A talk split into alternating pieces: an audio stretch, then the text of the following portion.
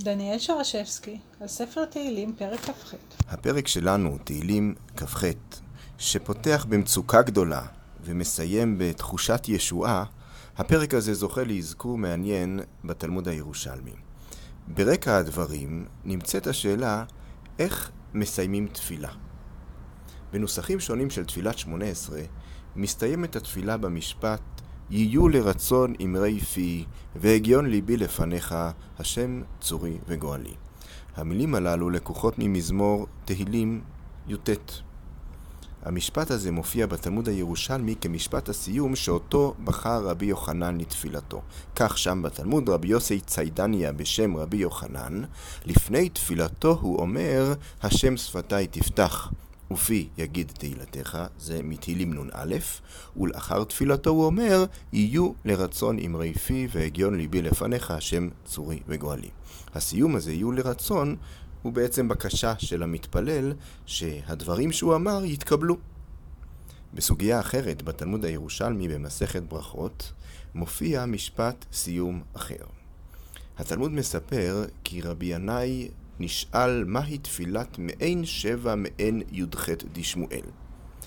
זוהי תפילת שמונה עשרה מקוצרת, שבה נאמרות שלוש ברכות בתחילה, שלוש ברכות בסוף, ותקציר של שאר הברכות. בתשובתו, הוא מתאר את הנוסח המקוצר, ומוסיף משפט סיום שלקוח מפרקנו. כך הוא אומר, בסוף התפילה, ואומר, ברוך השם כי שמע כל תחנוני. זו הצעה לסיום אחר, בפרק י"ט, הסיום שהתלמוד מציע לאור פרק י"ט הוא יהיו לרצון אמרי פי והגיון ליבי לפניך, הסיום בסוגיה הזאת אחר לגמרי. ברוך השם כי שמע כל תחנוני. כשמעמידים את שני הסיומים זה מול זה, אתה רואה שתי עמדות שונות בתכלית. הסיום יהיו לרצון אמרי פי, מעמיד את המבקש בעמדת המתנה. הוא פונה לאל בתקווה שדבריו יישמעו. לעומת זאת הסיום, ברוך השם כי שמע כל תחנוני, מציג עמדה בוטחת, כמעט מחוצפת, של המתפלל. מיד בתום תפילתו, מכריז המתפלל כי האל שמע תפילתו. המתפלל כאילו לא מותיר ברירה בידי אלוהים, אלא לקבל את תפילתו.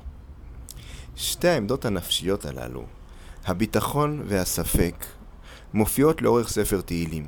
לעתים הן יופיעו בנפרד, במצבים שונים, בתפילות שונות. אך לעתים נמצא אותן באותו מעמד עצמו. כאשר האדם עומד מול אלוהיו ומיטלטל בין שני הקצוות.